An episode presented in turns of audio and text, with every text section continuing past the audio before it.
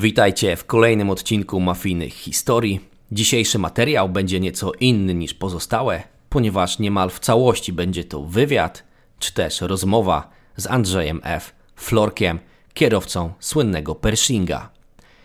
Nasz dialog z Florkiem, przeprowadzony w domowych warunkach przy herbacie, jest też pewnym ukłonem w stronę słuchaczy tego podcastu, ponieważ właściwie cała rozmowa to odpowiedzi na Wasze pytania, które przesłaliście mi kilka dni temu. Pytania nadesłane przez Was okazały się na tyle ciekawe i nieoczywiste, że momentami zaskakiwały nie tylko mnie, ale przede wszystkim mojego gościa, o czym kilkukrotnie przekonacie się słuchając tego wywiadu. Jeżeli to Wasze pierwsze spotkanie z tą postacią i nie wiecie, kim jest Florek, odsyłam do poprzednich odcinków oraz filmu i książki Pershing Król Życia. Słuchając tej rozmowy, dowiecie się m.in. czy Pershing miewał wyrzuty sumienia, jakimi samochodami woził go jego kierowca oraz co myśli na temat nowego filmu Patryka Wegi, poruszającego właśnie temat zabójstwa bossa z Ożarowa. Zapraszam zatem do wysłuchania naszej rozmowy.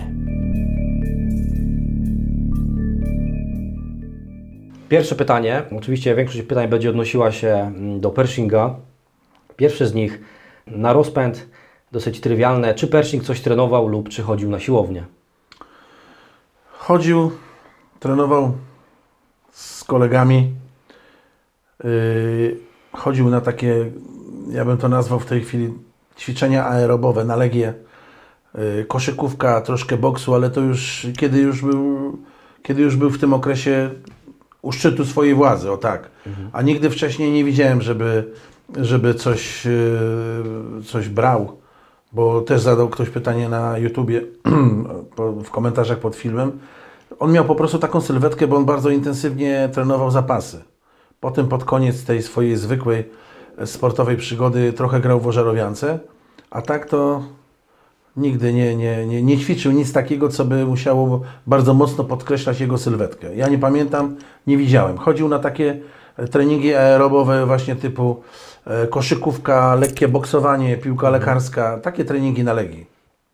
Kolejne z pytań odnosi się do starych Pruszkowskich i pytanie brzmi, który z nich robił na Tobie największe wrażenie? Leszek Wańka. Mhm, dlaczego? Zawsze stanowany, zawsze poukładany. Zawsze jak z nim rozmawiałem, to yy, słuchając go, wierzyłem w to, co mówi i odbierałem to jako, jako szczerą rozmowę. Można było po prostu mu, pomimo że może i kłamał, ale to ja się nigdy o tym nie przekonałem. W relacjach ze mną, a miałem z nim kilka relacji, był bardzo, bardzo sympatycznie i bardzo pozytywnie nastawiony. I był przeciwieństwem swojego brata. Nie z, jednego z, brata. Z którym miałeś problemy?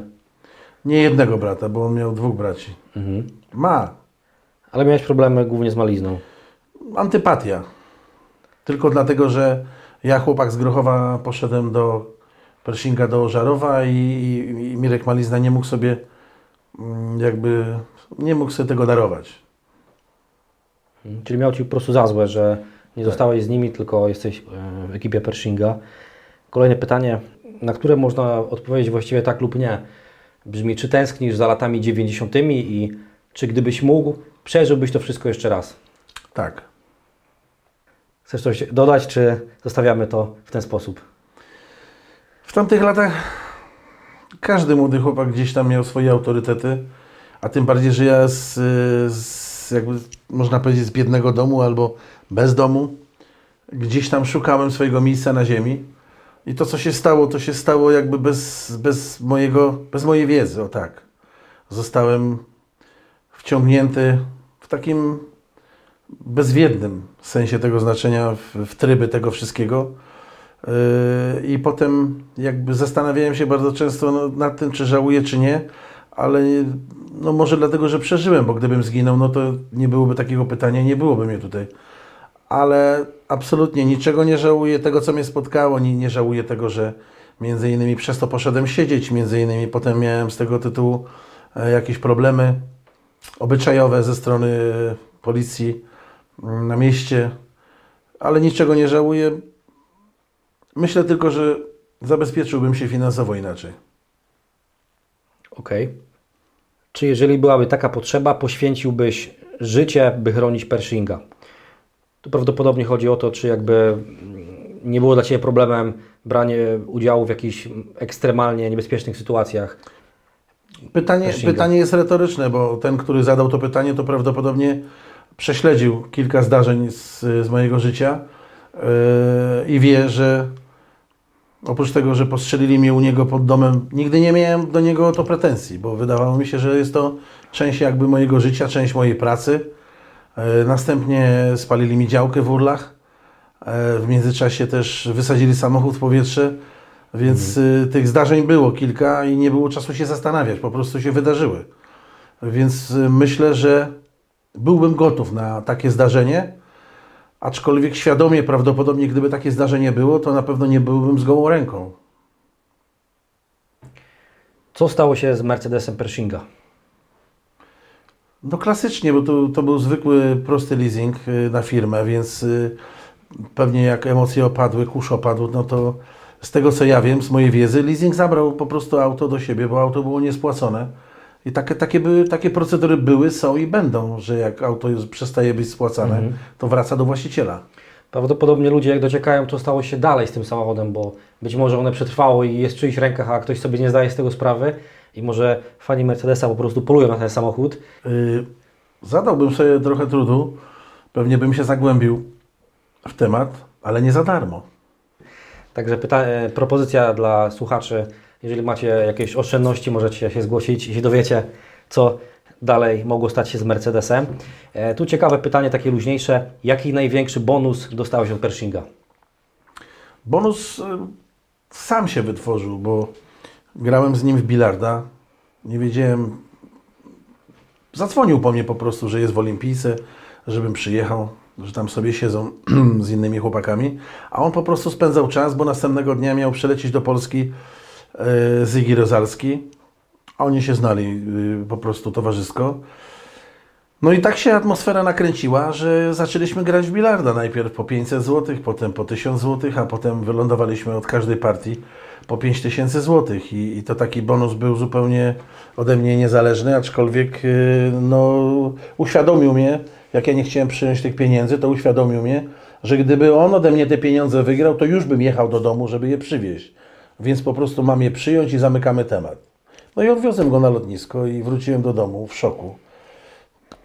Ale szczęśliwy. Nie bałem się, że potem będzie miał pretensje albo będzie krzywo Myślałem patrzył, o tym, myślałem o tym, ale myślałem o tym, ale nasze relacje były, yy, o czym on mi nigdy nie powiedział, ale to widać było w jego zachowaniu, w jego sposobie odzywania się do mnie w jego sposobie traktowania mojej osoby, że jednak e, jakaś jest sympatia, jakaś głębsza nić jest, jakieś głębsze emocje są, bo zabierał mnie w takie miejsca, o których e, ekstraklasa tego środowiska mogła tylko pomarzyć, tak po prostu e, próbując tam wejść bez biletu.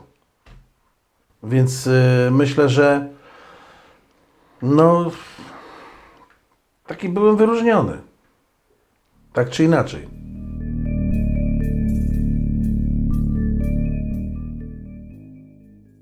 Tym miejscu należy się mały wtręt, bowiem w odpowiedzi na pytanie nie padła konkretna kwota, jaką wygrał w tej bilardowej potyczce Florek.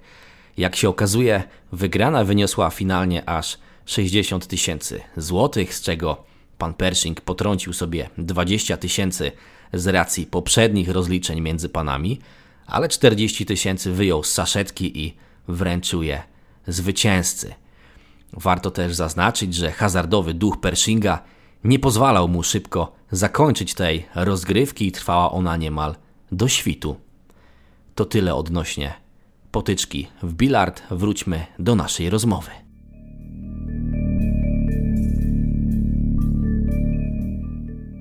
Czy zastanawiałeś się często nad tym, że możesz zginąć, będąc kierowcą Bossa. Po tym zdarzeniu u niego pod domem, oczywiście, że tak. I to potem się nakręcała ta spirala, bo było kilka takich sytuacji, gdzie niby ktoś umie pod samochodem jakąś reklamówkę widzi, a jeszcze potem jak e, wysadzili mu, podłożyli ładunek na wyścigach, gdzie ta płyta metalowa spowodowała, że tam tylko szyby popękały i jakieś takie drobne drobne zniszczenia były, to, no, to się tak nakręcało, że myślałem o tym dosyć często, ale, ale nie do tego, żeby to wytworzyła się paranoja w mojej głowie, żebym zaczął jeździć autobusem. A nie miałeś takich momentów, że bałeś się przekręcić kluczyk w stacyjce? Myślałem o tym, jak to robiłem. Czyli jednak się bałeś. Ale zostawiałem otwarte drzwi i łudziłem się, że mnie to uratuje.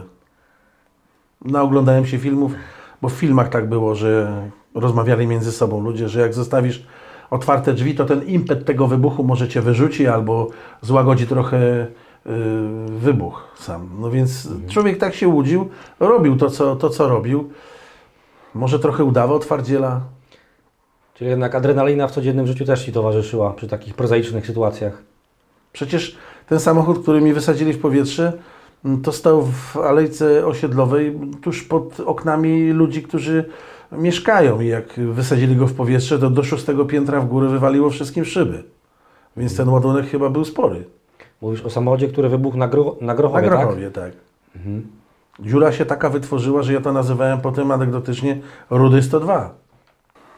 Czy Pershing uważał się za złego człowieka i czy miał wyrzuty sumienia? Jak każdy człowiek gdzieś się odnalazł w jakimś miejscu w całej tej układance, bo gdyby nie on, to byłby zupełnie ktoś inny. Uważam, że on był właściwym człowiekiem, aczkolwiek wtedy były takie czasy, że jeden okradał, drugi był okradany, jeden y, mocniej, jeden mocniej dostawał po grzbiecie, drugi mniej, ale ja nigdy, może nie wszystko przy mnie robił albo mówił, ale w mojej obecności nie zdarzyło się, żeby tak po prostu dla, tylko dlatego, że jest, czuje się najmocniejszy i może wszystko, żeby tak po prostu kogoś karcił, gnoił. To, to nie w jego stylu było absolutnie. Żeby kogoś nad kimś się znęcać, tak? Albo pokazywać swoją wyższość bez. Tylko bez dlatego, powodu. że jestem, bo jestem, bo jestem bossem. E, Kradł, oczywiście oszukiwał, karcił ludzi, bo takie były czasy, takie było środowisko, taka była koniunktura. Teraz w tej chwili mamy inną grupę, która też rządzi i dzieli i śmieje się wszystkim w twarz. I wtedy było tak samo. I robi to legalnie. Tak. Kolejne pytanie odnośnie mm, powstającego projektu polskiego znanego reżysera Patryka Wegi. Czy ktoś kontaktował się z Tobą w sprawie filmu? Bo pojawia się dużo głosów, że być może Pan Patryk Wega, mm, widząc sukces naszego wspólnego projektu, czyli filmu dokumentalnego Pershing Król Życia, który ma już ponad 6 milionów wyświetleń, być może stwierdził, że chciałby też swój kawałek tortu uszczknąć i e, też zrobić produkcję o Pershingu. No i tutaj pytanie, czy on bądź, bądź ktoś z ekipy się kontaktował, aby czegoś się dowiedzieć od Ciebie. Nie znam człowieka w ogóle, znam go tylko z telewizji, z internetu. E, Zrobił na mnie film ostatnio dokumentalny. Ja powiem to tak kolokwialnie, anegdotycznie. Ostatnio zrobił dokumentalny film, bardzo mocny, drastyczny temat. E, I ten film zrobił na mnie bardzo duże wrażenie, ale śledząc potem, bo się odzywały różnego rodzaju komórki państwowe, pozapaństwowe, takie rządowe, odnośnie walki z tymi nadużyciami, z tymi różnymi historiami. No i ewidentnie policja się wypowiadała, że policja operacyjnie nie ma wiedzy Na temat, na temat takich rzeczy, które były poruszane w tym filmie. Policja nie ma żadnej wiedzy o żadnych komórkach, o żadnych e, grupach, które by robiły coś takiego na terenie kraju, a tym bardziej, żeby gdziekolwiek, w jakimkolwiek mieście e, były jakieś sterylne domy przygotowane najpierw do używania tego typu e, historii, a potem do utylizowania. I tutaj jakby moje emocje już całkowicie opadły. Na temat tego filmu nikt się nie, nie kontaktował. Nie mam absolutnie pojęcia, skąd czerpię wiedzę, prawdopodobnie z dokumentów jakichś sądowych. E, oglądałem te zajawki, ręce mi opadły. Przykro mi się zrobiło, że, że, że są takie przekłamania w pół minuty tylko tej zajawki, bo to, co tam on pokazuje, to jest zupełnie, to bzdura jest, to jest, to jest, nie, to się nie, to się nie ma z rzeczywistością, no po prostu. Mhm, Tu, tu mówisz prawdopodobnie o tym, że na samym początku auto, pod którym jest zastrzelony w tej krótkiej zajawce Pershing, e, nie do końca jest takie samo jak te, w którym naprawdę go zabito, czyli na przykład nie, nie zgadzają się lampy tak, w tym samochodzie. Przede wszystkim nie zgadza się pozycja, w, której mm, strzelec do niego strzela, bo, bo było zupełnie inaczej. E, Więc nie wiem skąd czerpię wiedzę. Poczekam jak, jak to się wyprodukuje. Obejrzę. Nie wiem, to może być chyba film paradokumentalny, bo nie sądzę, żeby to był film fabularny. Sam jestem ciekaw, zobaczymy na ile będzie tego filmu podobieństwo do naszego projektu. Kolejne pytanie. Jakie było Twoje ulubione auto, którym woziłeś Pershinga?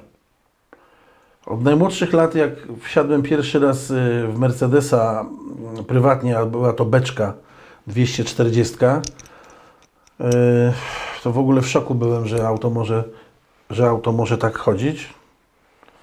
Y, I potem były już w zasadzie same Mercedesy z jakimiś przerywnikami na Scorpio, Audi 90, ale generalnie to były Mercedesy. Zresztą takie czasy wtedy były, że albo Mercedes, albo, albo BMW to był taki synonim e, posiadanej władzy, ewentualnie synonim e, zaistnienia, synonim Twojej pozycji w środowisku, o tak, w ten sposób. No. Mogło to nie być jakieś fantastyczne auto z najwyższej półki, ale musiało być po prostu z tego segmentu. Zresztą Pershing jak wyszedł, przez chwilę jeździł moim samochodem, a potem sam sobie kupił taką samą 140, tylko ktoś mu źle doradził, bo kupił mu taką wersję 350 y, diesel 150 tam czy 135 koni. I on bardzo szybko to auto sprzedał i dlatego doszedł do skutku ten leasing mm, y, ten leasing w, S-klasy w Gdańsku, Gdańsku. tak. Mhm.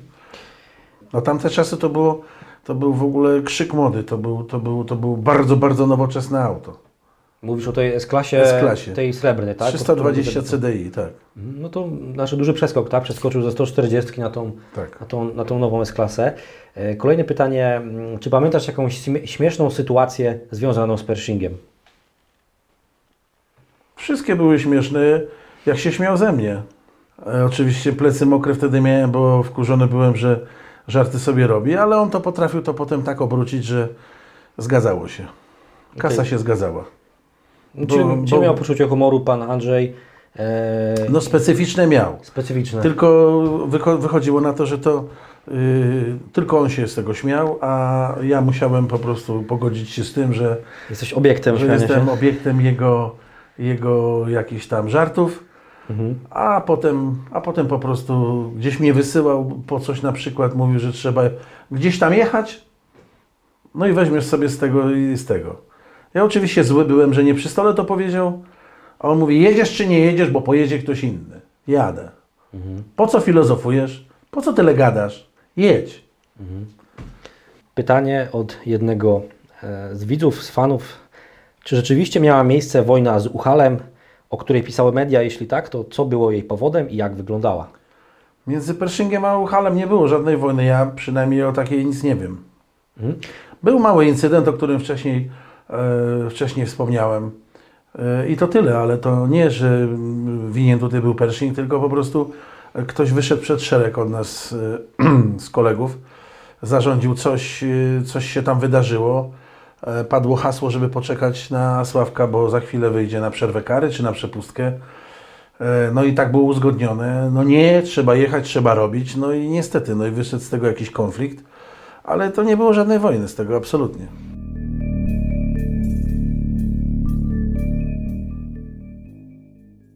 W tym miejscu wypada nadmienić, że wątek konfliktu grupy ożarowskiej z ekipą Uchala został przeze mnie opisany w książce Śladami polskich gangsterów w rozdziale Gangsterskie rozkminki. Dowiecie się z niego, jakie było całe tło tamtego zajścia oraz jak zakończyło się spotkanie obu ekip, do którego doszło na tyłach działającego do dziś lokalu Paragraf, który znajduje się w Warszawie przy Alei Solidarności.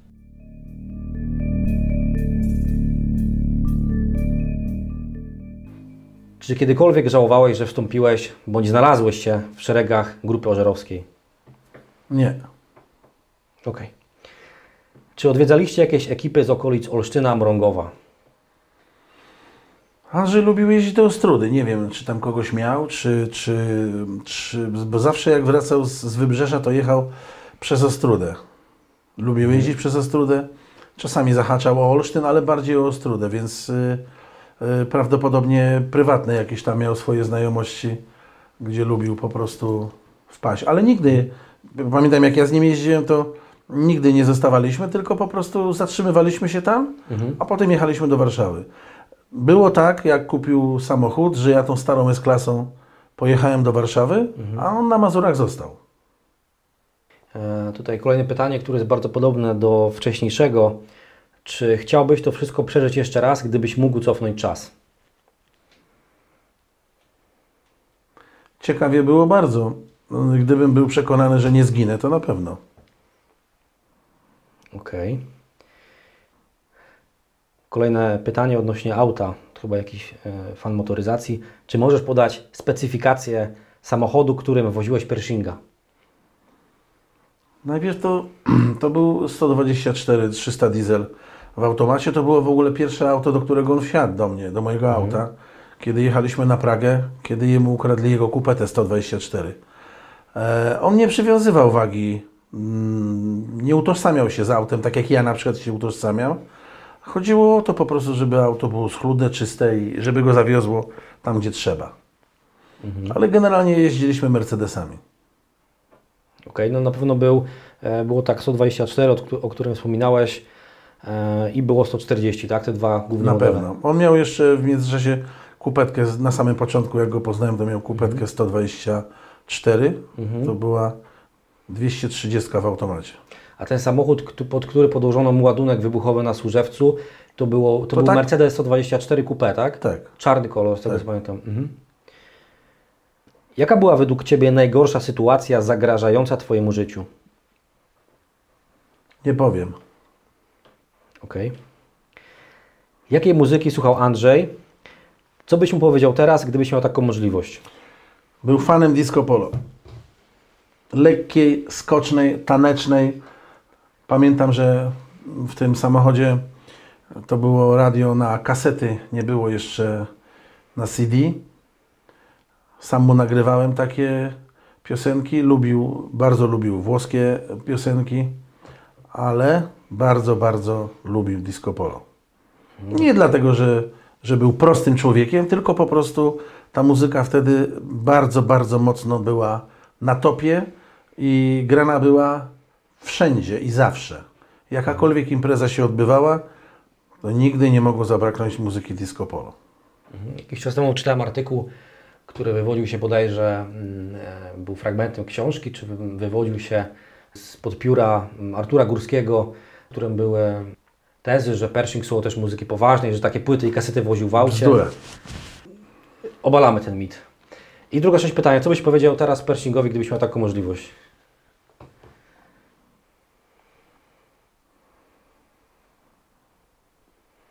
Wyhamuj, bardziej pilnuj legalu, bo prawdziwych przyjaciół nie miałeś, nie masz i niestety nie oczekuj, że będziesz miał, bo wszyscy kochają Twoje pieniądze i Twoją pozycję.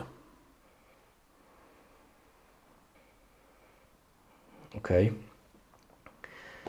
No i ostatnie pytanie, e, już takie luźniejsze. Jakie filmy i książki polecasz o tematyce gangsterskiej, mafijnej, czy tutaj, jeżeli chodzi o e, historię półświadka w Polsce czy na świecie? Jeżeli chodzi o, o polskie filmy, to, to bardziej z lat 80., kiedy nie było żadnych ekip, tylko były zasady i luźne grupy. Moim kultowym filmem z tamtych czasów jest film Przepraszam, czy tu biją? Na przykład Nie zaznasz spokoju. Yy, miasto prywatne już tak słabiej. Niektóre odcinki 07 Zgłoś się bardzo mocno zahaczają o środowisko tamtych lat, o sposób zachowania a jeżeli chodzi o tematykę międzynarodową, mam tak dużo książek. e, Trochę przeczytałem, sporo jeszcze do przeczytania, że w tej chwili mógłbym skrzywdzić jakąśkolwiek z pozycji książkowych, gdybym powiedział na przykład, że tą wyróżniam, a tej nie czytajcie. Czytałem ostatnio, bardzo jestem pod wrażeniem, może dlatego, że czytałem ostatnio Księżniczka Mafii. Opisuje to córka sama Giancany, szefa chicagowskiego klanu, który przejął po Alu Caponie. Em, Książka zrobiła na mnie bardzo, bardzo duże wrażenie, bo ja lubię, kiedy w, w książkach oprócz fikcji są y, ukazane y, dokumenty z życia środowiska i mechanizmy działania. Mam bardzo, bardzo sporo ciężkich, ciekawych filmów. Kilka seriali mam o międzynarodowych, o międzynarodowych y, grupach przestępczych. Y, czytałem też ostatnio książkę o Drangetcie, ale nie Drangetta, tylko też chyba jakoś ta księżniczka mafii, nie wiem czy coś takiego. Dobre o, matki? Dobre Matki, Mhm. gdzie od A do Z jest e, opisana cała organizacja. Jak żyją, jak pracują, jak dyscyplinę utrzymują, jak y, y, kamuflują pieniądze, jak przerzucają pieniądze, jak dzielą pieniądze, jak zdobywają teren, jak zdobywają sojusze, jak wciągają w zasadzki, jak dają zarobić pozornie więcej pieniędzy, żeby zobaczyć, czy się ktoś zachowa lojalnie, czy nie. Dużo jest takich pozycji. No musiałbym któregoś razu zrobić sobie wydruk i wrzucić albo na Instagrama, albo nie wiem, na Facebooku, albo A jaka była pierwsza książka, z, z jaką się zetknąłeś o tematyce mafijnej? książka, którą przeczytałem w więzieniu. Uwaga, mafia. W 80. Adama, Chyba Ostro, roku. Adama Ostrowskiego z, z 76 roku podejrzewam, żółta Cieniu, cieniutka, mała książka. Tak. Połknąłem ją. To jest bardzo ciekawe, że w ogóle już w latach 70. mieliśmy w Polsce książkę, która opisywała strukturę mafii i zachowania, jakie, jakie dzieją się w Kozanostrze, e, a 20 lat później e, nikt nic o tym nie wiedział i tak naprawdę robiono mafię z wszystkiego, co się tylko pojawiło. Ale jeszcze takie pytanie mnie tknęło, może mógłbyś wymienić jakieś książki bądź filmy, e, niekoniecznie gangsterskie czy, czy mafijne, które coś zmieniły w Twoim życiu albo zmieniły Twój pogląd na pewne sprawy? No tak teraz z głowy musiałbym spojrzeć na tą szafę przeszkloną, gdzie te książki są i musiałbym zerknąć w komputer albo na, na te półki, gdzie tam mam... To zróbmy tak, że poprosimy czytelników, być może o jeszcze słuchaczy, o jeszcze jakieś inne pytania, bo przeglądamy książki, być może zrobimy jedną rozmowę o samych książkach, jeżeli będzie zainteresowanie tym tematem. Bardzo proszę, jestem otwarty. Dziękuję Ci bardzo za rozmowę. Dziękuję. W dzisiejszym odcinku to już wszystko. Nie jest to jednak koniec mojej rozmowy z Florkiem. W poprzednim materiale obiecałem, że zrobię jeszcze jeden, ostatni odcinek o miejscach warszawskiego półświadka. Tak więc niebawem pojawi się jeszcze jedna rozmowa z Andrzejem F. dotycząca właśnie miejsc gangsterskiej Warszawy oraz ulubionych lokalizacji wyjazdowych Pershinga i Ferajny. Na koniec zapraszam na stronę mafiashop.pl, gdzie znajdziecie książki Pershing Król Życia oraz Śladami polskich gangsterów.